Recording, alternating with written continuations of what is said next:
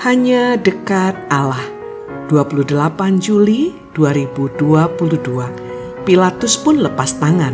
Lukas 23 ayat 3 sampai 7. Pilatus tak mau dijebak. Atas tuduhan Mahkamah Agama, dia hanya fokus pada kemungkinan tindakan makar. Tentu saja Pilatus berkepentingan dalam hal ini.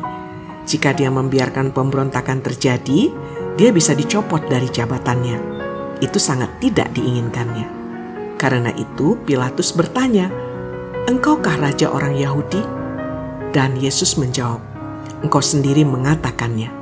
Dalam kalimat itu, Yesus hendak mengingatkan wakil pemerintahan Romawi itu bahwa frase "raja orang Yahudi" bukan berasal dari dirinya, tetapi dari mulut Pilatus sendiri.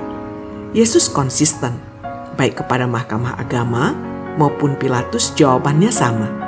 Engkau sendiri mengatakannya. Dengan demikian, Yesus hendak menegaskan bahwa dia tidak pernah mengklaim bahwa dia adalah raja orang Yahudi. Kerajaannya lebih luas dari itu. Selanjutnya, Yesus hanya diam. Dia tidak menjawab apa-apa.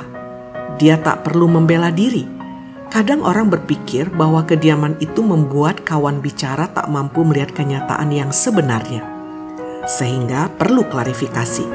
Pendapat itu ada benarnya, namun demikian, atas tuduhan Mahkamah Agama, Yesus mengambil sikap diam. Bisa jadi apa pun yang akan dikatakannya hanya akan membuat tuduhan akan menjadi lebih banyak lagi. Bukankah itu yang sering terjadi? Klarifikasi sering dipahami oleh pihak lain sebagai ajang pembenaran. Terlebih, jika pihak lain itu memang sudah nggak mau tahu lagi apa yang sesungguhnya terjadi.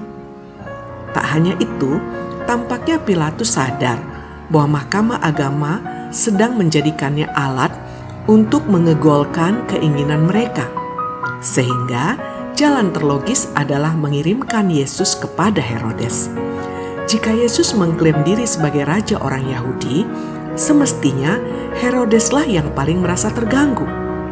Dan untuk sementara Pilatus terbebas dari urusan politik agama, mahkamah agama. Salam semangat dari kami, literatur perkantas nasional. Sahabat Anda bertumbuh.